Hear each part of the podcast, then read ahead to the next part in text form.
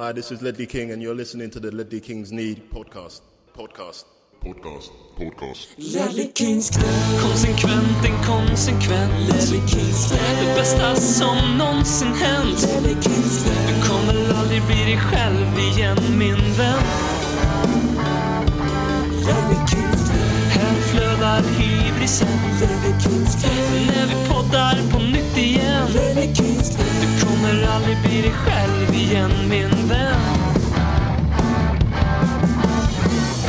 Hej och välkomna till den Guldskölden-nominerade värmländska radioteatern om den aristokratiska fotbollsklubben från norra London, Tottenham Hotspur. Och som ni hör idag så är det i sann Guldskölden-anda så att Per anser sitt kall vara gjort och därmed har lämnat podden som free transfer minuter efter nomineringen var hämtad.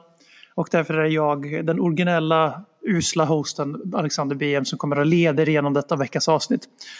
Men jag står inte ensam i krigets skurar utan jag har vid min sida i södra London tror jag om jag minns rätt en man som nästan delar initialer med Robert F Kennedy. Och det är ju Smålands stolthet Robert Folin Karlsson. Tack, tack. Eh, norr om London sitter jag faktiskt. Bara för, Norr om norra London. Du är alltså mer Precis. Spurs än vad Spurs är Spurs. exakt. Håller till ja, rätt nära Cheshunt där vi brukade ha, för innan Spurs Lodge tror jag vi hade vår träningsanläggning ute i Cheshunt. Där mina svärföräldrar håller till. Så det, är- det är fint. Och fan, det, det, dit ska jag gå en dag. Och jag, jag slänger ut en liten video i Parrots pågar. Eh, bara ett par hundra meter från där vi bor så ligger skolan som Oliver Skip gick på. Ja, det här är dit, ju... dit ska jag gå en dag och bara skicka en hälsning till alla därifrån. Att då är man fan på helig mark. Det är nästan så att du måste gå in i skolan och se om de har någon form av memorial till Oliver En Skip. Men stor, det kan, stor staty vid entrén. Kan ju också, jag som jobbar i skolan, det kan ju ses på lite konstigt i skolmiljön om det kommer in en skäggig medelålders man till, eh, in på skolan och går runt och filmar. Men det kan vara värt att försöka ändå. Kanske vi försöker. Min sambo har faktiskt varit på arbetsintervju inne i den skolan. Hon sa den var riktigt maffig. Ehm, Så ja, jag ska försöka ta mig in. Eh, Om hon hade droppat Skips namn då hade ju jobbet parkerat. Mm, nej, hon fattade ju inte det, så är det ju. Så, menar, det här betyder ju att eh, det- du bor ju i ett område som då bör vara ganska liljevigt. Ja, det, det, det är det väl. Ehm, Det är rätt så... Det är en hel del eh, sällskap på tåget in på matchdag. Det är det. Tyvärr så ser man ju lite Arsenal-grejer här också. Det är ju oundvikligt, eh, verkar det som. Men eh, jag, utan att ha liksom jättemycket data på det så hävdar jag nog att det ändå är primärt Tottenham. Givetvis, givetvis. Som alla andra eh, ställen i världen ungefär. Eh, ja, vi har ju givetvis ganska mycket att prata om nu när vi har vår trygga ledare befinner sig någonstans i en röd podd. Så självklart så kommer ju då den största nyhetsveckan i Tottenhams mannaminne, eller vad man ska säga. Men vi, vi börjar i den eh, årliga traditionen, vilket är att besegra Pep Guardiolas fuskbygge på Tottenham Hotspur Stadium. Ehm, och som vanligt så släppte vi inte in några mål och eh, jag börjar med att fråga dig eh, Folin här. Eh, hur stor anledning till segern och vårt rekord mot Manchester City är Emerson Royal, Royal Zinho? Eh, han spelade ju onekligen sin roll eh, i matchen nu förra helgen. Eh, har han, jo, han har ju spelat, han måste ha spelat i någon match förra året med mot dem. Så han, han lär väl ha besegrat dem två gånger i alla fall. Är det den högerback som kanske har besegrat City hemma flest gånger då? Han spelade väl borta förra året också, var inte det en av hans eh, rätt starka matcher då? Ja, jag tror att han var med i båda segrarna förra Mm. året. Eh, Både 1-0 för Nuno och eh, 3-2 på eh, Etihad heter deras eh, sportswashing arena va? Mm, precis. Och så Ja, det är väl, Emirates eh, Arsenals, just det, så var det. Emerson the City Slayer är det ju. Nej, men just med han var ju, tycker jag, eh, jag vet att det har ju nämnts rätt mycket att han gör ofta bra matcher mot bättre lag eller där vi är mer tillbakatryckta. Jag har väl kanske tyckt lite ibland att det betyget folk har gett honom då har varit lite för att han inte har varit Alltså att han inte har gjort bort sig så har det blivit jävla vad bra han var. Har jag känt lite. Men i den här matchen var han ju faktiskt riktigt, riktigt, riktigt jävla bra. Ja, Det absolut. kändes som Eh, att det var inget förskönande alls av insatsen. Han var verkligen svinbra. Jag, delar eh, båda dina uppfattningar. Också att, för jag är en av dem som, för jag hade en liten grej där jag red ut till hans försvar. Eh, och sen började jag förstå att folk inte, inte riktigt kopplade att jag och Per i podden och jag i Parrots Pågar inte kanske var helt, helt genuina i vårt blinda försvar av Emerson Royal. Men att det, blev, han, det har blivit en liten myt om honom, att han är bra eh, mot storlagen. Medan man kanske snarare skulle säga att han, han är en helt okej högerback i, ett, i en fyrbackslinje. För många lag. Jag tror fortfarande att han aldrig kommer vara det för ett lag som vill vara spelförande. Och Tottenham bör vilja vara ett spelförande lag. Men det är en annan diskussion. Eh, men eh, som du är inne på här mot Jack Raelish, 100 miljoners mannen. Att eh, han var genuint bra. Mm.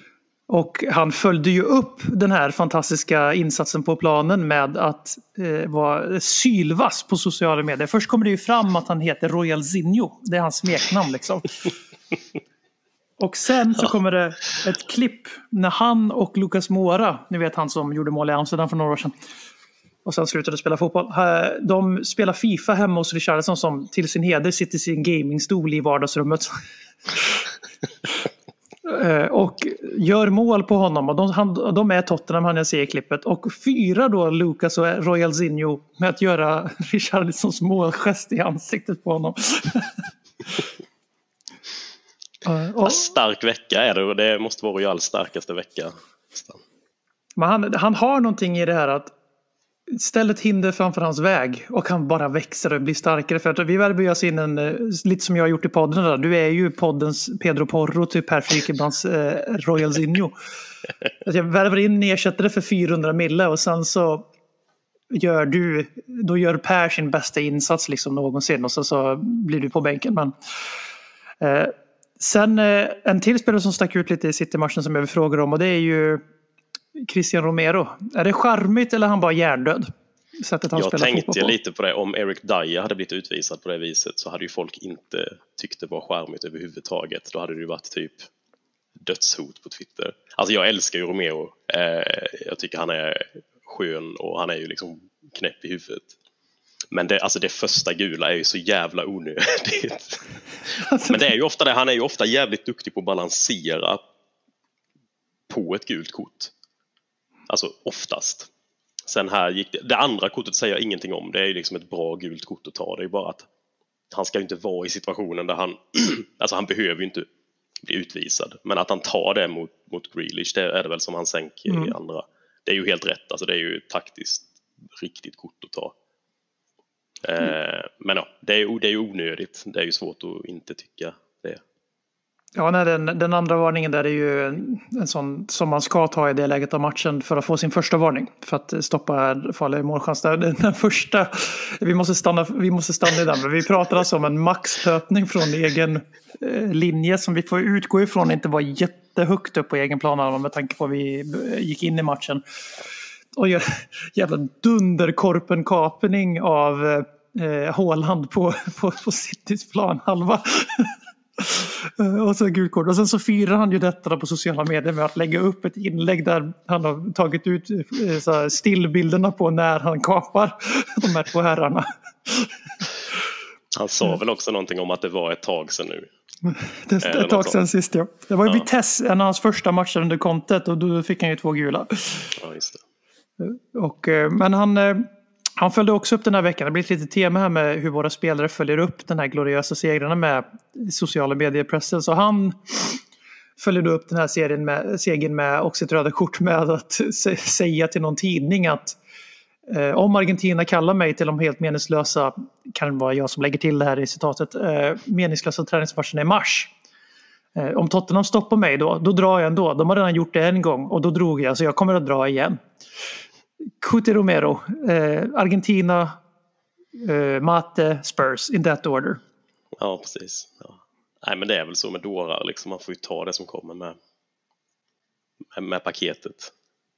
Man får Det ta det ju goda sällan. med det onda. Ja, men exakt, det är ju sällan liksom helt eh, friktionsfritt att ha sådana karaktärer i, i truppen. Sen vet jag inte exakt, han hade ju också twittrat någonting om nu, det var någon som hade lackat på honom, alltså något sånt här random fan som hade lackat på Twitter.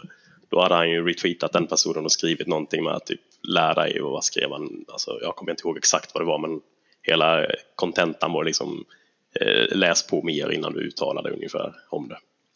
Eh, det- är ju deras första matcher på argentinsk mark sedan de vann VM. Så det är ju klart som fan han ska åka dit och spela. Det är ju, man blir ju bara frustrerad på grund av historiken vi har med AFA. Eh, Argentinska fotbollsassociationen då, så före någon tror någonting annat.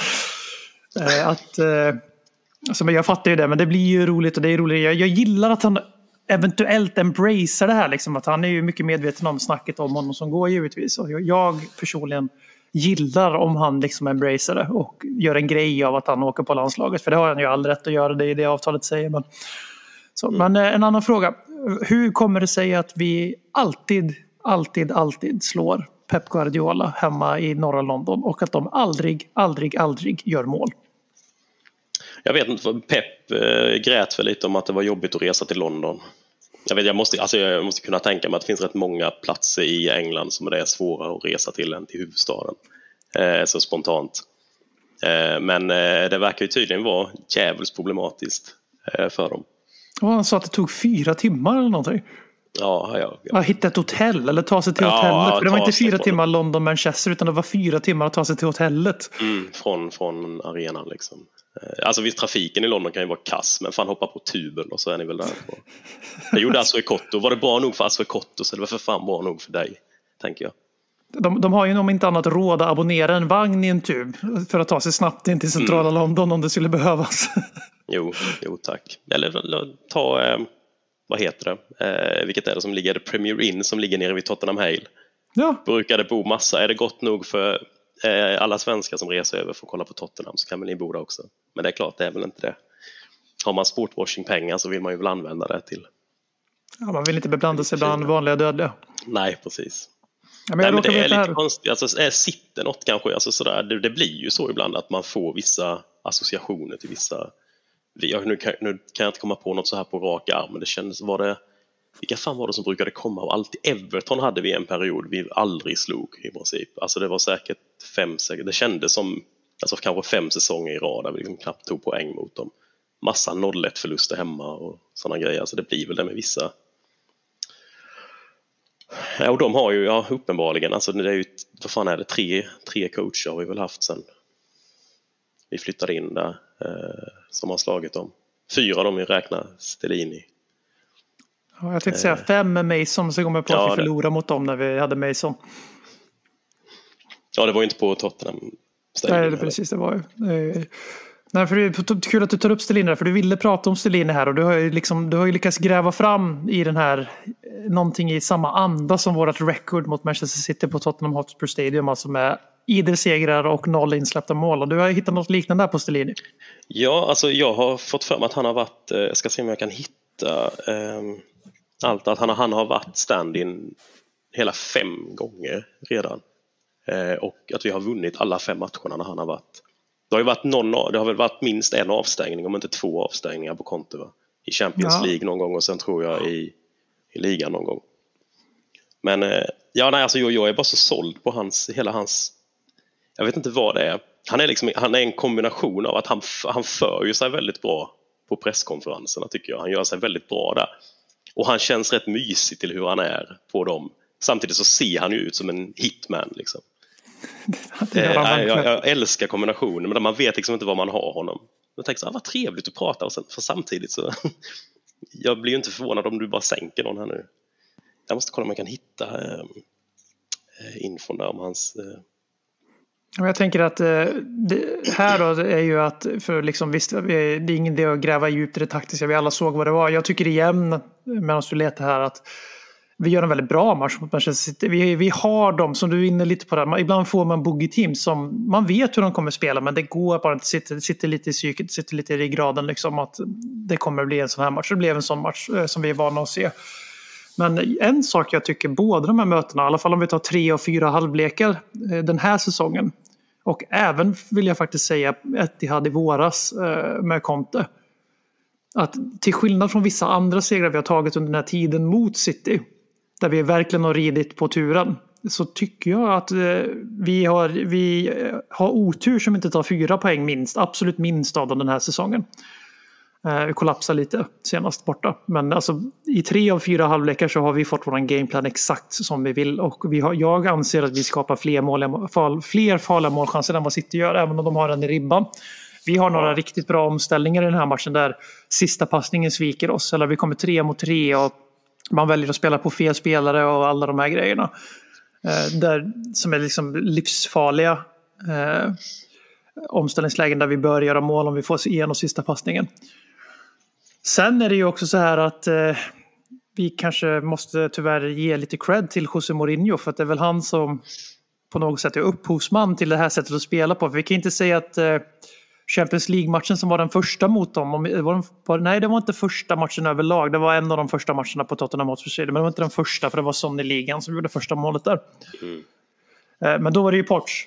Och då var det ju en sån här 1-0 där vi krampaktigt höll upp. Porch hade ju en svaghet bland annat och det var ju att han ville spela vårt spel mot alla lag. Och det funkar sådär mot lag som är mycket bättre än, än dig. Liksom. Så det, är det José Mourinho som är, är det liksom hans bestående verk i Tottenham? Att han, han gav oss the playbook och hur man slår Pep Guardiola på hemmaplan? Eh, nej, jag säger nej då för att jag vill inte ge honom någon cred. Och vi slog ju dem innan han dök upp också. Um, men visst lite... Men det, jag kände, tyckte ändå den här matchen var en intressant kombination av... Visst, vi försvarade ju liksom kompakt och rejält, men det var ändå aggressivt försvarsspel. Liksom. Det var inte den här att vi bara stod still och flyttade i sidled, utan så som Höjbjerg och, och de på mitten var ju riviga och högg och pressade och sprang som fan. Ehm, så det var liksom inte... Ja, det kändes ändå rätt så kon, konteeskt. Eh, men det, det kan ju vara med att mot City är ju ett sånt lag som sällan spelar på mer än... Alltså de, de spelar ju på sitt vis. Och att just den alltså approachen som vi ibland, alltså som vi, jag kan tycka vi tar för ofta mot för många lag, att den lämpar sig jäkligt bra mot just det spelet.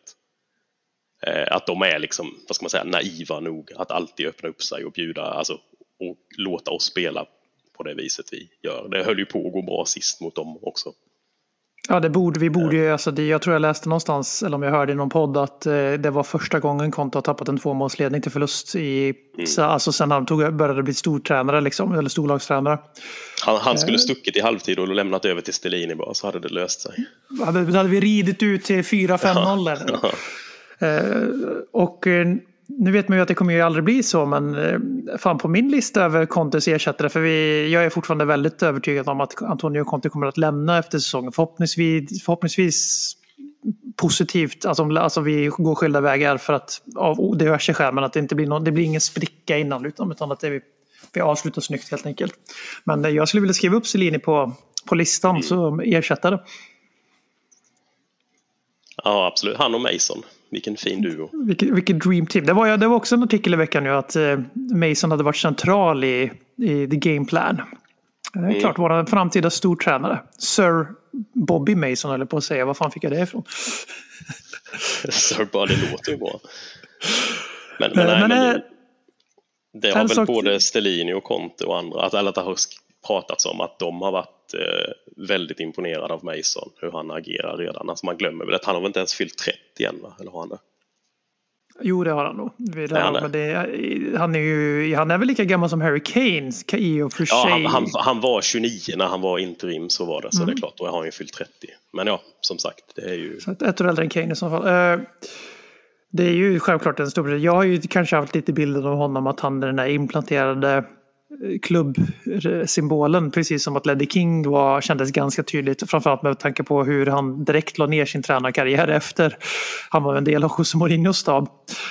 Eh, men eh, det skulle ju vara jävligt fint om det faktiskt är ett råämne till en framtida tränare här som någon dag kanske rattar Tottenham i the European Super League version 17,0.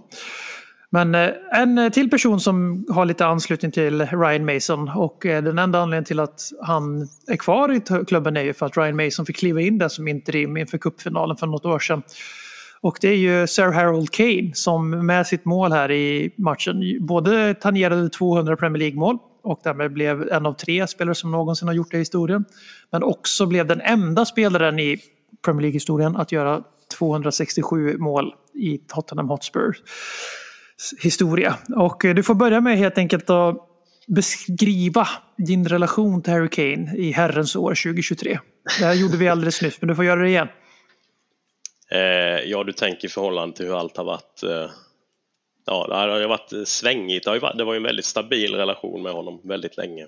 Sen var det lite svängigt där någon sommar. Men, det, men nej, som jag sa sist, han är ju, han är ju tillbaka i mina good books sedan ganska länge.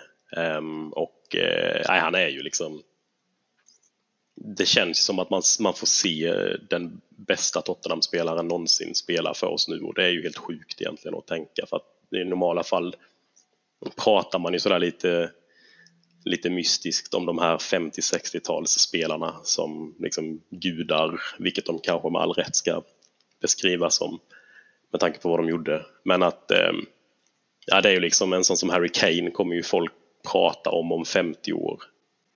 Eh, då kommer de ju ha mer material att se på förvisso än vad vi här har kanske för de här andra gamla legenderna. Men alltså han är ju där uppe. Jag har svårt att tänka mig liksom att, att Ja. han inte är den bästa spelaren som någonsin har spelat för Tottenham och det är ju helt sjukt. Och, Om du skulle göra på uppstuds så här en Mount Rushmore över Tottenham, alltså om du tänker dig ditt Tottenham, de fyra. eh, Kvotera inte in 60-talsgubbarna om du inte själv känner att du, du vill det, utan vilka fyra är liksom om du gör Mount Rushmore utanför N17 eller utanför Stadio? Daniel Levy, Harry Kane och Damien Comoli. Comoli. Eh, Frank nej Arnesson. men, ja, fina Frank. Jag håller nog Frank Arnesson nästan högre än Daniel Levy i alla fall. Eh, men eh, Harry Kane ska ju upp där. Eh, Bill Nick måste ju vara med. Ja, två, samma här, båda två. Eh, sen så, ja, på personligt plan så hade jag velat ta upp Gascoigne där också. Men han kanske egentligen inte är, men det är ju rent av egen. eh. Men om vi säger Gassa, Harry och eh, alltså, så som folk pratar om Glenn Hoddle så känns det som att han, han måste kanske vara med också. Fint att du är i podden Ledley Kings knä, inte, Ja, ja, det, inte, inte som. Ledley. Nej. Nej, men det får, nej, fan, nej, skit i Hoddle, vi kör Blanchflower istället. Hoddle, vi har, lyssnade på en intervju med Matt Letizier och det verkade som att Hoddle var ett riktigt rövhål. Så eh, Ja, för, ja, för Matt Letizier är ju en bra character judgment. Judge of character. Eller det kanske han är, för om man är ett rövhål själv då är man kanske bra på att identifiera andra rövhål. Det borde vi veta i den här podden kanske. Take- Takes one to know. Precis. Eh, Nej, men det- för det är ju med Harry Kane, det är ju, allt är ju sagt om honom och eh, jag vill beskriva det något så här klyschigt. Jag har haft lektioner i veckan här om Shakespeare för det är där vi är i kursen och för mig är ju Harry Kanes relation till Tottenham från början en jävligt tråkig romantisk komedi. Liksom, eller, där det, för det finns inget drama. Det är bara liksom det, han är avgudad. Först en liten så här, ingen, det, har ju blivit mytologiserat i efterhand att Kane var så jävla dålig och att det var någon i den här podden till exempel som han kommer aldrig göra mer än League One. Eh, och så vidare, så vidare, så vidare. Men det var ju inte ens Eh, reaktionsvärt när de här sakerna sades. För att då såg han ju bara ut som en stabbig, alldeles för långsam och begränsad anfallare som absolut inte hade Premier League i sig. Jag menar, han floppade ganska hårt på flera stycken av sina lån. Eh, så det var ingen grej då. Det har blivit det nu eftersom det har blivit så jävla bra. Men alltså, den delen är, inte ens med i filmen. Liksom, utan filmen börjar när han tar först med Tim Sherwood som det ska faktiskt nämnas att det är Tim Sherwood som även om han gjorde det av politiska skäl faktiskt ger honom hans första sträcka med matcher. Eh, Kane är ju förpassad till bänken igen när Pochettino kommer in och säsongen börjar ju med gamla Tottenham då. Han ger ju Soldado, Adebayor, Kabul, alla de här som sen rensas ut. De får ju chansen från början och sen efter en dust-up i omklädningsrummet så ger han över laget och omklädningsrummet till Ryan Mason, Eh, Harry Kane och så vidare. Eh, och där börjar ju liksom, det är ju idel kärlek. Det var aldrig särskilt nära att han skulle lämna kändes det i, i den här upp, uppgången under Pochettino. Så det är en väldigt tråkig film, det finns inget drama. Sen helt plötsligt så bestämmer sig Tottenham som är den andra parten i den här filmen om Harry Kane att bli en väldigt instabil sociopat slash pundarknarkare som tar väldigt olika beslut och eh, inte, ens- inte, går inte att lita på Tottenham helt enkelt och Harry Kane börjar då titta på lite yngre, finare förmågor än Tottenham. Eh, den ljusblå delen av Manchester till exempel. Och där börjar ju liksom en berg och dalbana. Men eh, nu är han starkt tillbaks här i, nu är vi i den här scenen på båten ute i sjön i den där The Notebook och regnet sitter och Daniel Levy och Harry Kane sitter där och Hulk gråter i varandras armar för att de äntligen har hittat hem till varandra igen. Det är så jag vill se på Harry Kane i alla fall 2023. Nu sitter vi bara och hoppas på att Tottenham inte ska börja punda bort ner sig för mycket igen. Det är väl det som är... Så att det... ehm, nej, men visst det är väl en bra beskrivning. Nej, och det var väl aldrig så heller som med Gareth Bale finns det ju... Alltså har ju flera varit liksom öppna med att han var i princip på väg bort. Det var både Nottingham och eh, eh, Birmingham på lån eller vad det var. Men Nottingham var väl liksom en transfer, det ryktades om det. Det, det fanns ju aldrig riktigt om Kane vad jag kan minnas. Jag lyssnade på en, på en intervju med Clive Allen också eh, som eh, eh, den var jätte, jättebra. Han pratade väldigt mycket om, om hur hans tid i Tottenham, han var, ju där genom alltså, väldigt många olika eh, alltså han var kvar där under flera olika tränare, också olika roller. Men att han brukade då hålla koll på reservlaget, eh, hur de skötte sig eller så pratade med, med tränaren om det och då var det ju att ja, men vilka spelade bra, så han, då kunde det varit liksom Smith eller vem fan som helst. Ja, men de gjorde det bra. Så, ja, men vem gjorde mål då? Nej, Harry Kane. Han sa det, men det var det enda han gjorde då. Han var liksom inget, han stack inte ut alls. Han såg liksom rätt så konstig ut, men han gjorde alltid typ mål i varenda match. Eh, Men nej, som sagt, de här Norwich och Leicester-lånen, de var ju inte jättemycket att hänga i, i julgranen. Nej, stor är han. Det, det är coolt. Det var jävligt coolt. Eh, Jag hade ju förmånen att vara på matchen. Eh, Men jag hade inte tänkt alls på, alltså innan matchen handlade nästan allting om eh, om vi ville vinna eller inte med tanke på hur, eftersom att Arsenal hade förlorat mot Sir Sean Dyche och hans Everton. Också på min shortlist till nästa tränare. Ja, alltså han är så fin Sean Dyche. Han är, ja, jag älskar honom. Men- Eh, och så att jag hade lite glömt bort att Kane var så... Nej, alltså att, att det var just nästa mål som var rekordet. Så när det hände, men det verkade som att alla andra hade glömt det också förutom Tottenham, de som hade preppat med allt sådant, både merchandise och eh, eh, grejer inne på arenan. Men just när det hände var det ju jävligt coolt. Men sen eh, även efter matchen då när han tackade alla och eh, blev intervjuad på plan. Det var, ja, det var riktigt fint. Och det kändes som att det var alltså, riktig genuin kärlek från läktarna också till honom. Jag tror han kände det. Man får väl hoppas på att han nu är liksom helt inne på sitt spår att det är Tottenham som gäller. Det känns mer och mer så faktiskt. Ja, jag delar också den uppfattningen. Det känns som att det finns i alla fall en realistisk chans att han, blir, att han blir kvar resten av sin karriär om han inte vill göra något år i USA. Och just det du beskriver med här på arenan att det här är ju lite vad fotboll går ut på. Och eh, det här minnet du och alla andra som var på plats får där nu och Harry Kane och hans familj och alla kommer att ha så här. Det är ju det vi vill få ut av våran fotboll.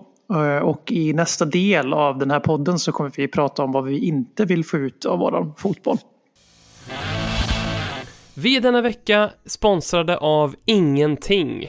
Ingenting är det bästa alternativet där ute för dig med sunt förnuft som skyr saker som spelbolagsreklam eller 15% på redan alldeles för dyra kläder som ingen kommer bry sig om om ett halvår ändå. Gå inte in på någon hemsida och framförallt uppge ingen rabattkod. Kom ihåg, livet är mer än konsumtion. Tack, Ingenting. Sådär! Vi diker direkt tillbaks in i Eh, Manchester City. Vi, nu minns du vet, de vi pratade om för ja, fem, tre, sju, åtta, nio sekunder sedan. Manchester City är det där laget vi alltid slår på hemmaplan. Det är lite, lite som att möta Degerfors, men det är vad det är. Vi måste möta dem också. Eh, Och eh, de har varit i skiten den här veckan för att de Hör du det här? Du, försök att tro på mig nu Robert Flin. Det här är inte, det är inte fake news utan det jag presenterar det är, det är fakta. Eller sakligt. Och det är att Håll i dig. Eh, Manchester City har systematiskt fuskat med Financial Fair Play-reglerna sedan 2008. Det, Nej. Ja, det var tur att jag satt ner. Alltså det är ju, jag var tvungen att, liksom, när jag läste det här på bussen, jag var tvungen att be busschauffören att stanna så jag kunde gå ut i regnet och se Ta lite mitt liv. luft bara. Stod och hyperventilerade i en påse. Så.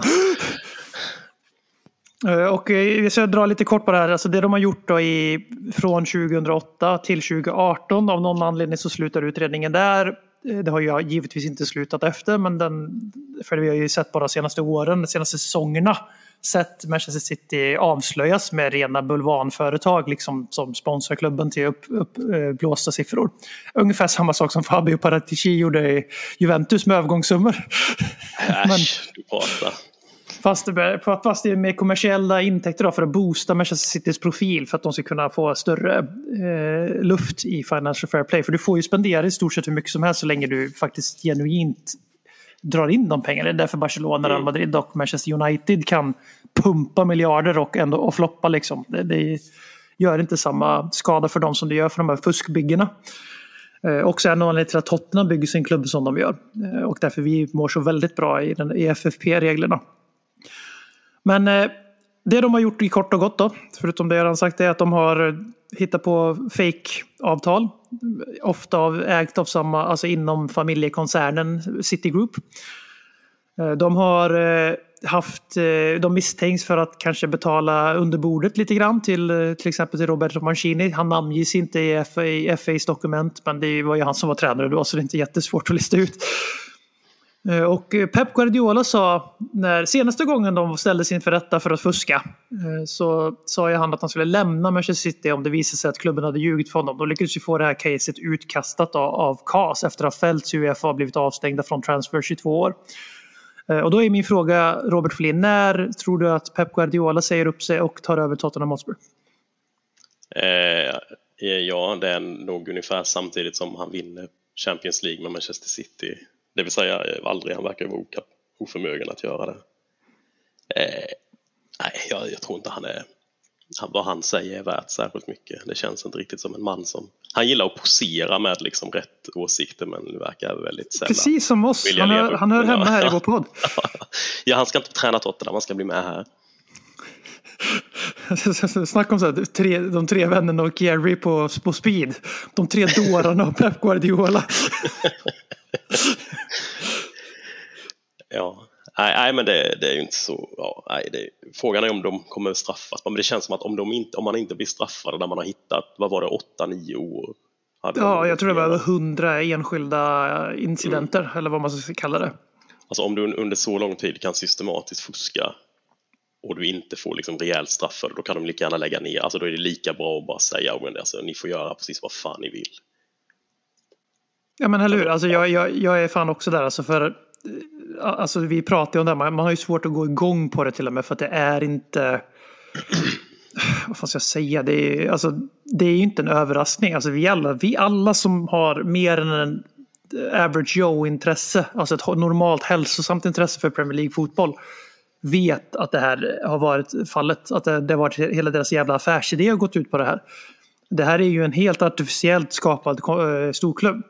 Eh, det här är ju en av anledningarna till att jag, jag eh, eh, vantrivs så mycket i modern fotboll. För jag tycker mer illa om Manchester City och Chelsea eh, och PSG än vad jag tycker om Arsenal, Manchester United och Liverpool som, som drivs som riktiga fotbollsklubbar i modern tappning. Alltså företag som genererar sina egna intäkter och sen pumpar in pengar. Sen har man ju suttit och sagt andra saker när det har passat givetvis också. Men man måste ju hyckla om man ska ha en podd, det hör till. Men det är lite så här att eh, det är en symbol för vart fotbollen är. Och man blir ju inte, alltså vi behöver inte fastna i Manchester City. Det är ju ingen som lyssnar på den här podden som inte håller med. har jag jättesvårt att se. Men de borde straffas jättehårt och om de inte straffas så kan vi skita eller ta bort FFP. Mm. Ja men det är ju lika bra att ta väck det då liksom, för att det är ju de som sitter inne på de här resurserna och som, som kan hitta de här lösningarna och, och ändå bete sig hur de vill. Så att om de reglerna finns, det blir ju, det blir ju så, typ så då att alla klubbar typ från mitten och ja, de för, sköter sig. De sköter sig för de har liksom inte backningen eller kanske Alltså de är inte de, de, har ingen som kan gräva fram 60 miljoner. Exakt. Så bara hur som helst. Exakt, så då blir det ju i teorin bara de klubbarna som redan är där uppe som kan agera på det viset och resten får följa de här reglerna. Och då blir det ju helt kontraproduktivt. Är lika bra i sådana fall då. Bara öppna Nej. upp det. Om, man inte, om de nu inte, alltså nu får man ju visa då att man bryr sig om de här reglerna i sådana fall. Ja. ja. Nej, men det var chockartat. Kan det innebära straff redan i år på dem är det ju intressant. Och ifall de liksom flyttas ner eller får poängavdrag eller annat, då är det ju det öppnar ju upp eh, jakten på Champions League-platser. Frågan är om eh, Arteta också kan få poängavdrag. Hoppas, hoppas. För sin nuvarande klubb då. Det är, Nej men det, det, alltså, det, det ska väl jävligt mycket till att det ska gå så fort. Det kommer ta säkert skitlång tid. De har ju anställt någon jävla demonadvokat för att förs, försvara sig.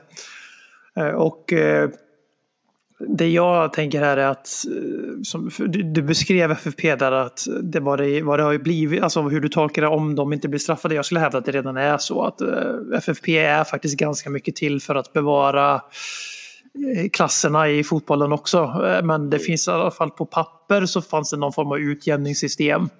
Men just det här, det är inte ett loophole för det, det här är, det här är inte liksom en kommunistpoäng försöker göra med lönetak och salary cap, det är samma sak. Men alla de här grejerna som amerikansk idrott använder för att forcera utjämningsperspektiv, draft. Financial Fair Play är ju till för att se till att klubbar bara spenderar det de faktiskt, alltså de ska kunna försörja, alltså de ska kunna gå grönt eller svarta siffror i boken åtminstone. De ska, och driva sin fotbollsklubb. Det syns ju i Championship där alla klubbar i stort sett är helt beroende av sin ägare för att gå runt. Eh, Varför det här systemet behövs i fotbollen. För vi har skapat en jävla juggernaut där du inte kan hänga med och du kan inte tävla i fotbollen på sportsliga medel längre om du inte samtidigt kan lasta in pengar. Eh, Alltså jag, jag tycker inte att Manchester United som är ett gigantiskt varumärke och driver in hur mycket pengar som helst. De ska få ha en fördel av det enligt mig.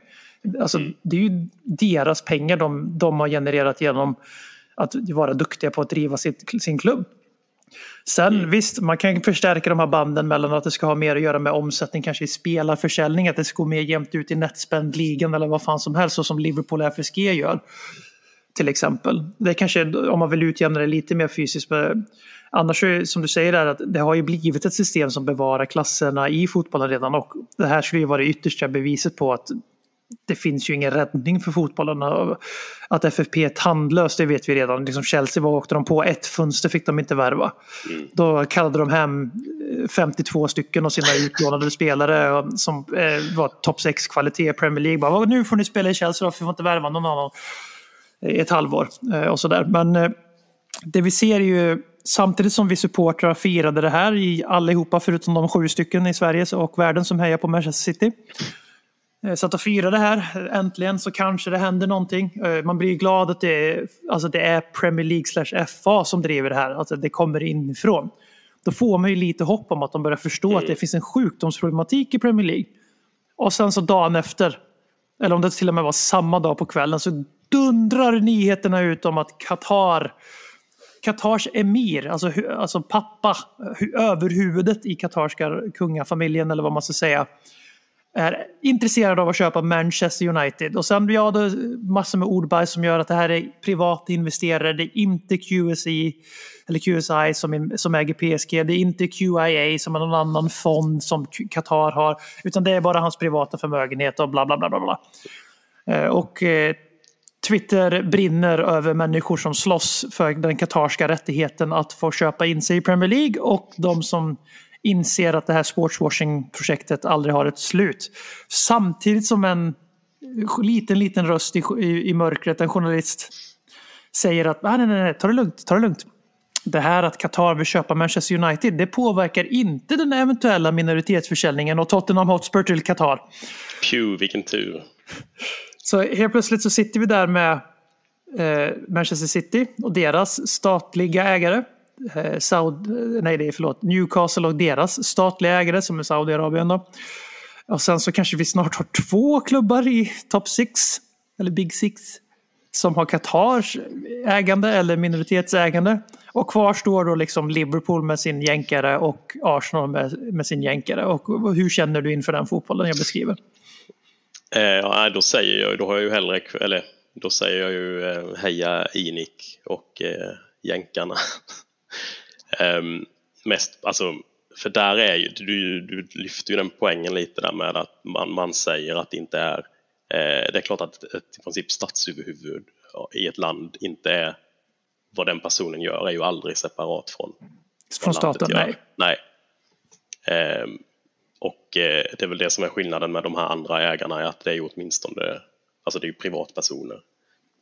Säga vad man vill om dåren i Chelsea liksom, men det är ju hans eh, han, han, ja, han hittar väl sätt att slänga sina pengar i sjön. Eh, Och han gör ju inte det, alltså jag kan inte tänka mig att han gör det direkt för att tvätta sitt eget anseende. Han får, framstår ju bara som en dåre. Alltså, visst, man kan problematisera, för det ser jag röster som gör, liksom, att man kan problematisera att det är en jävla reaktion mot eh, ägarna från eh, Qatar, Saudi, Abu Dhabi och så vidare. Och att det inte är samma reaktion för Jim Ratcliffe som till exempel vill köpa Manchester United som är Manchesterian eller Mancunian och han, är, och han äger ett företag som kanske inte drivs på det bästa sättet och kanske framförallt är verksam inom en bransch som går direkt emot klimatmål och bla bla bla. Och man kan hitta sponsortrådar överallt i alla lag i den här nivån som har eh, mörkigt eh, förflutet eller agerande. Vi har en ägare som snodde land från ursprungsbefolkningen i Argentina. Liksom. Det, det, det, det, absolut, det finns lika i alla garderober men du har velat ta upp det här förut, vi har skrivit om det mycket med varandra, just här skillnaden på att en stat äger en fotbollsklubb och att en privatperson, alltså en riktig privatperson nu, inte statsöverhuvudets privata intressens fond. Utan eh, det, det, finns en viss skillnad här mellan privatperson och stat på marknaden. Vad, vad är den för våra lyssnare?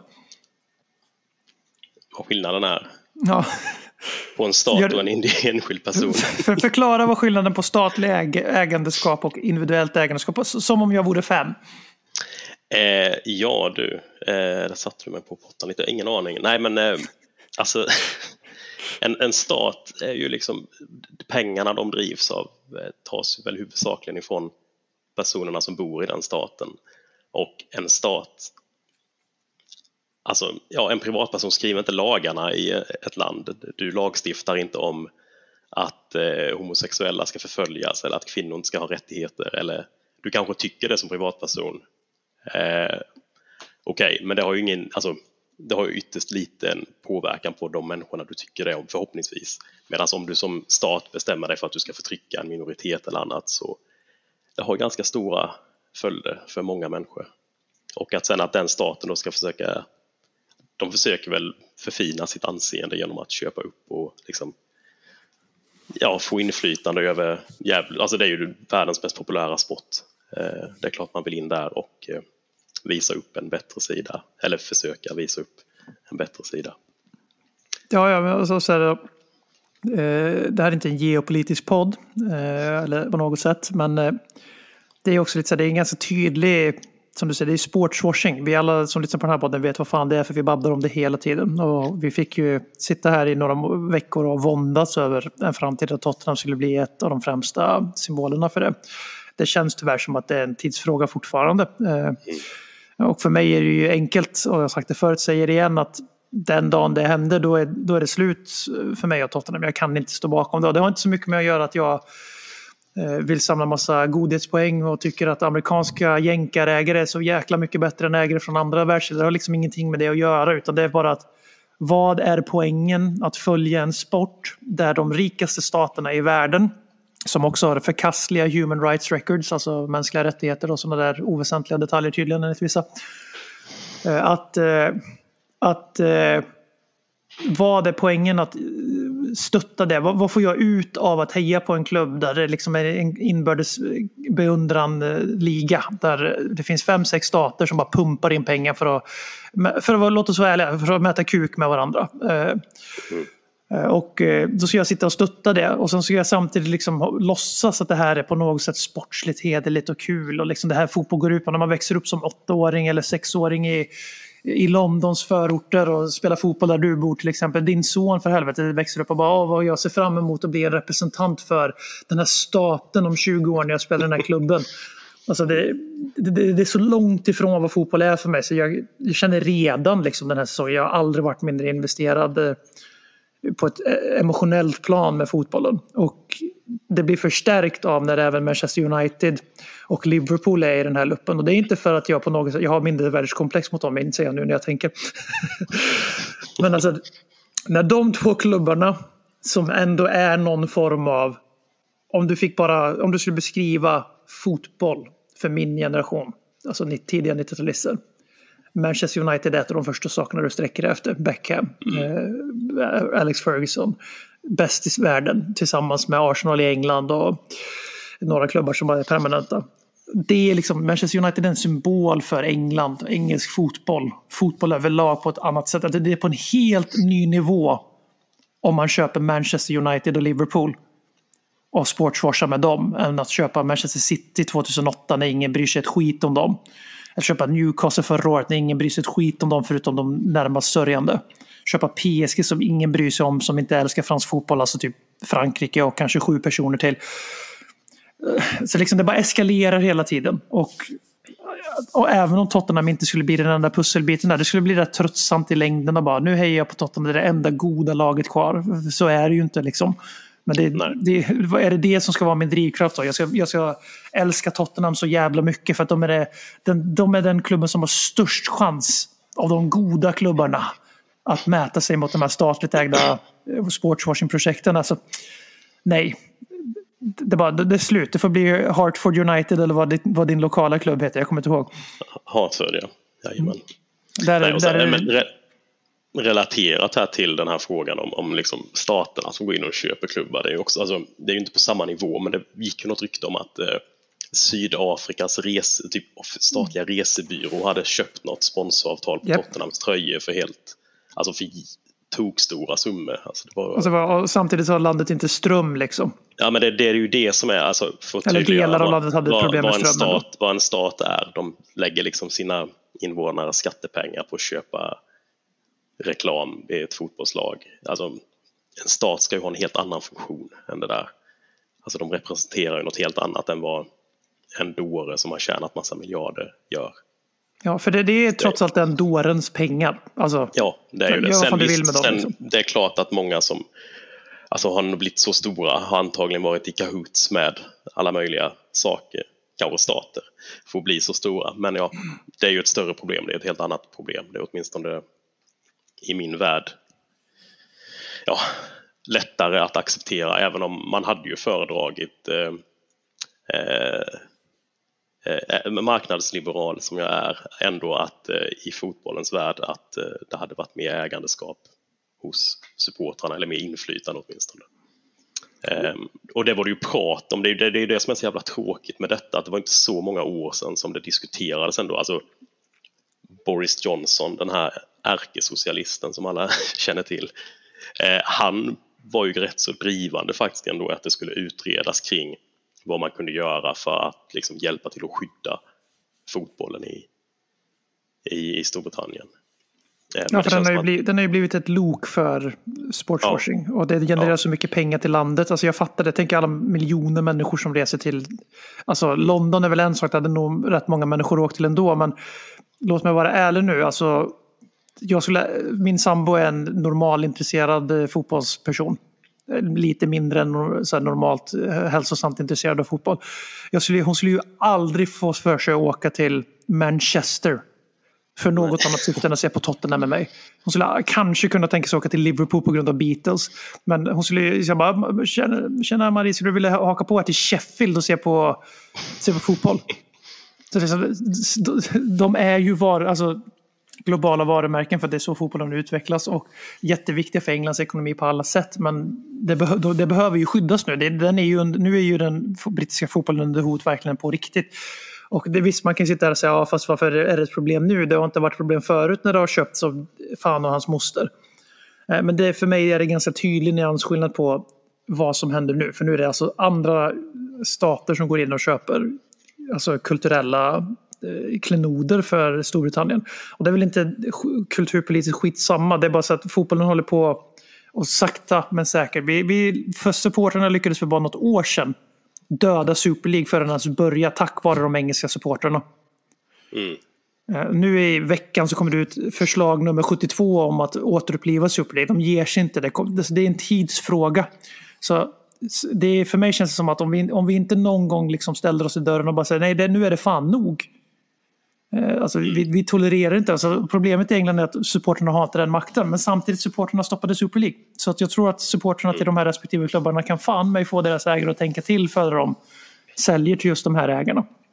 med Super League med då så fanns det ju, men där fanns det ju också rätt tidigt tydligt stöd från mediapersonligheter, från politiker Mm. i ett tidigt stadie som gick ut. Det finns det ju inte mot, eller inte alls på samma vis mot de här med liksom ägarna. Det är väldigt sällan tycker jag i alla fall man, man hör särskilt mycket om det. Från de hållen. Ja, men det är det men vi håller på att tappa fotbollen till den här. Det kommer ju bli den här. Det kommer ju bli World Super League med statsägda klubbar som är på någon egen nivå och leker i en fantasivärld. Och ibland i mina uppgivna stunder känner jag bara snälla händ snart så att vi, vi andra kan få behålla den här dåliga fotbollen där det där FFP funkar och klubbar drivs ordentligt och man, man, kan inte bara ta, man kan inte bara ha mer pengar och fuska in det genom bulvanföretag för att hoppa över alla andra. Eh, man ska inte behöva sitta och idolisera Brighton och Brentford för att de har vet att det är bra att köpa spelare före de blir upptäckta för billiga pengar. Denna revolutionerande idé att identifiera talang. Den här galna tanken på att ha en scoutingverksamhet Ja, precis. som, in, som, som sträcker sig liksom utanför Utanför vad, de, eh, vad, vad lagen i 7 till 10 i Premier League har så man kan plocka Mm. guldkornen ifrån. Alltså, nu är det. Men eh, på tal om eh, fantastisk, och, äkta och genuin fotboll så är det så att vi ska spela Champions League-slutspel här på alla hjärtans dag. Eh, Har du, har du bokat bord eh, på någon fin snobbig restaurang eller blir det hemma i köket med storbildsskärmen och eh, Tottenham eh, Milan på San Siro? Det blir nog mer eh, hemma i, i, i soffan i sådana fall. Jag var lite sugen på att dra in till, eh, till, till Fighting Cock, våran dotterpodcast här i England har ju sån live-event inne i London, men jag kände att det kanske är lite mycket att pusha på. Hur är det sången går? 'Cause I love Tottenham more than you, eller vad är det de sjunger när de är iväg på alla hjärtans dag-matcher? Ja, det, Eh, ja, nej. Har du ja, en- ett Milan som vi, som vi ju borde möta i helt, vid helt rätt tid. Men eh, då är det klassiskt Dr. Tottenham som kommer på, på besök. Ja, Milan är ju i fritt, fritt jävla fall. De vann ju scudetton i förra säsongen. De har nu typ 15-20 poäng upp till Napoli. De förlorar med 5-2 mot något brödgäng i södra Italien här om veckan eller vad det nu var. Eh, på hemmaplan tror jag till och med. De har en målvakt som kastar in bollar till för skojs skull. Eh, de har en hel del skador. De ser helt, helt liksom fall nu i gängorna. Och vi Tottenham-supportrar vi har ju en hel del psykiska problem. Men jag är ju helt övertygad om att vi kommer torska den här matchen. alltså, så, spik på, på ettan. 2-0 Milan max, minst. Ja, det vore ju skönt att komma ner på jorden igen efter City-vinsten här och Harry Kanes rekord och Conte har frisknat till. Och är tillbaka. Han sägs vara på bänken här mot Leicester som vi spelar mot förmodligen när ni lyssnar på det här. Ja, just det. Ja, vi spelar in det här dagen innan Leicester-matchen så vi kommer ju inte av förklarliga skäl inte prata så mycket om, om den. Eh, ja, nej, men alltså så om man kopplar bort eh, allt, eh, all anti-jinx man försöker göra med Dr. Tottenham här så är det ju, det är ju klart att vi borde slå Milan så i det läget de är i nu. Vi har ju en, en trupp förvisso då, vi kommer väl in på det, men nu har det kommit ett par skador i truppen men ändå många spelare som har frisknat till och borde vara tillgängliga igen. Eh, vi har väl, bortsett från Hugo och Bizuma, är vi väl helt eh, fulltaliga. Ja, då ska vi komma ihåg att Hugo är någon som För inte två veckor sedan ville skulle folk... bort till Ja. vilket pris. Och Bizoma som eh, har floppat hittills. Punkt. Alltså det, han är inte ens i närheten ordinarie. Så att det bör ju inte vara... Hugo Lloris med tanke på hur han har presterat den här säsongen ska ju inte vara skillnaden på att sluta topp fyra, slå Milan i Champions League eh, sett till hur han har presterat. Jag tror att det kan bli att vi kan få ett ganska tufft uppvaknande här med Fraser Forsen. Vi får se honom i mer, eh, mer matcher när han inte möter liksom eh, amatörgäng i, från League 1 och League 2 i stort sett i jämförelse. De är professionella fotbollsspelare men det, det är rätt stor skillnad på League 1 och Premier League. Liksom. Eh, och Ja, jag tror, vi kan, jag, tror, jag tror som sagt att vi kan få ett litet uppvaknande att Hugo Lloris är fort, fortfarande vår bästa målvakt. Eh, sen om det är bra nog för våra ambitioner framöver, det vet jag fan. Men eh, det finns egentligen inga ursäkter att slå Milan och om det är någonting vi vet så är det ju, Dr. Tottenham är ju ett försvarsmekanism, det är en anti-jinx, det är en liten meme, men det är också, det finns rätt mycket sanning i det. Jag tror det är många lag som tycker det ändå, man kommer ju lätt ihåg de här. Det, alltså det Ja. finns ju inget som gör en så orolig som när man går in för en, inför en match, hör någon sån här statistik som någon drar om att visste ni att de här har inte gjort mål på oss på fyra matcher eller de har torskat sju matcher. Den riktiga ju statistiska liksom anomalin är att de inte hade gjort mål på fyra matcher. Alltså att City inte har gjort mål på fem matcher mot oss, det är ju sinnessjukt. Det är mycket mer sannolikt att de gör mål i varje match mot oss. Alltså, Exakt. exakt. Ja. så att, ja. Men eh, hur peppad är du på Champions League? Det är ju en av de sista årgångarna vi får med eh, riktigt, riktigt gruppspel och slutspel. Det är ju en tidsfråga här. Sen har vi den här Europa, eller sen har vi ju Champions League där vi faktiskt spelar ligs, ligaspel ända fram till slutspelet. ja, nej men då det får man väl eh, värna om så länge det finns kvar i det här formatet. Det formatet som är är ju ändå Okej, det är helt okej. Ja, absolut, Ja. absolut. Nej, det ska bli kul. Eh, och jag har löst biljett till hemmamatchen med så det, jag hoppas vi inte gör bort oss på bortaplan så att man har något. Men på, ta, fan på tal om det, jag vet, man har ju varit, eh, när fan var det? Ja, det var när vi mötte Real Madrid första gången va? När Mm. Pete Crouch hade show nere i Madrid och blev utvisad och vi torskade med 4-0. Två gula på 15 minuter som forward. Vilken jävla hjälte! Mm, den får vi gärna undvika. Eh, men det där minns jag inför matchen mot Madrid. Då gick man ju ändå så lite och tänkte på fan, 5-0 så är vi, är vi vidare. Det plockades vi ju ner på jorden ganska snabbt. Eh, Jo, men det, det, är så det ska vara. Man ska ju alltid man ska ju ge upp på förhand, men egentligen har man inte gett upp. Framförallt inte om man är på plats. Då känner man, Nej, man nej. känner att man tillsammans på, på läktaren kan bära fram det.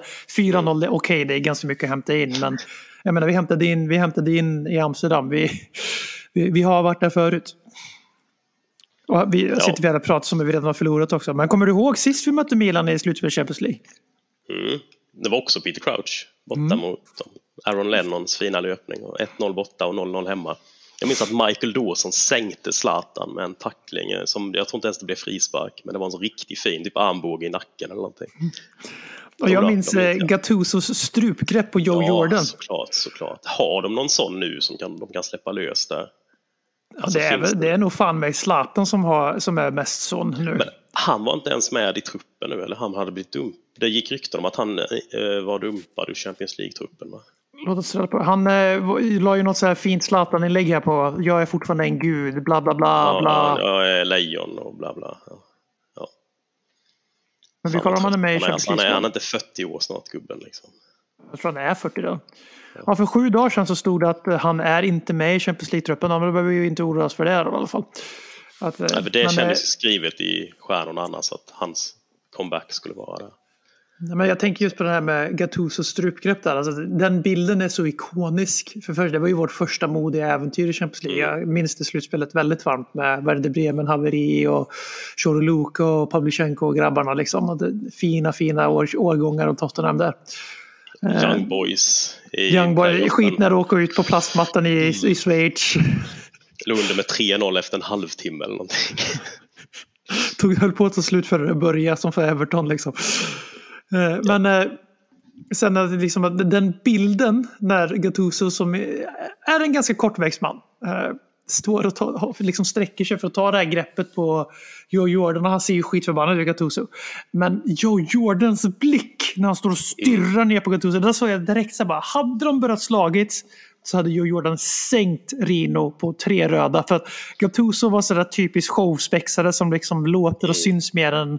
Medan Joe Jordan hade den där kalla jävla skotska I'll fucking kill you-blicken. Som, som man, man blir rädd för Joe Jordan. Man fattar helt plötsligt liksom varför Harry Redknapps lagbygge funkade. För Harry Redknapp är så här, just run around a bit lads och klappa dem på axlarna, ha kul, liksom, spela fotboll. Joe Jordan stannar ju alla när, när Harry hade gått ut på, och satt sig på bänken. Då stannade han ju alla spelarna i, i spelet och bara om ni förlorar den här matchen mot Blackpool kom inte in till jobbet imorgon för jag kan inte garantera er en säkerhet. Och det var därför vi presterade egentligen, för de var livrädda för, för Joe Jordan. Och det är det jag försöker säga.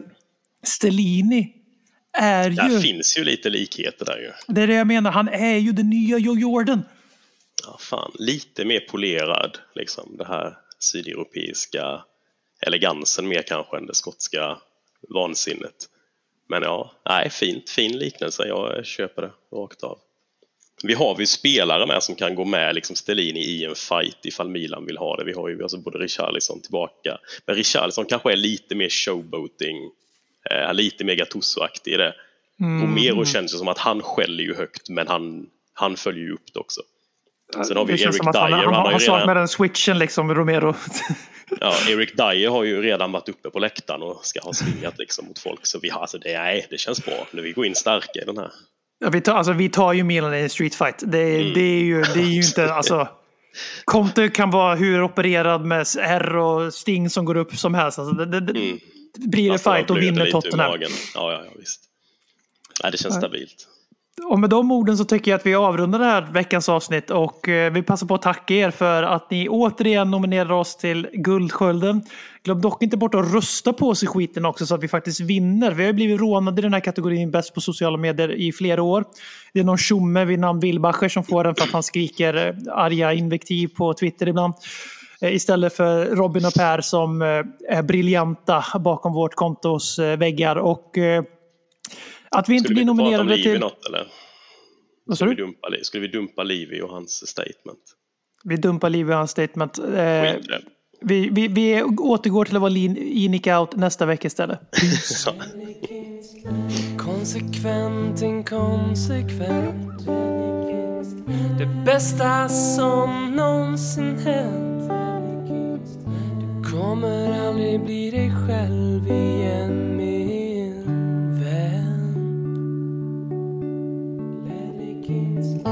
Här flödar hybrisen.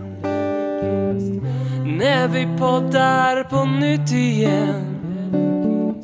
Du kommer aldrig bli dig själv igen min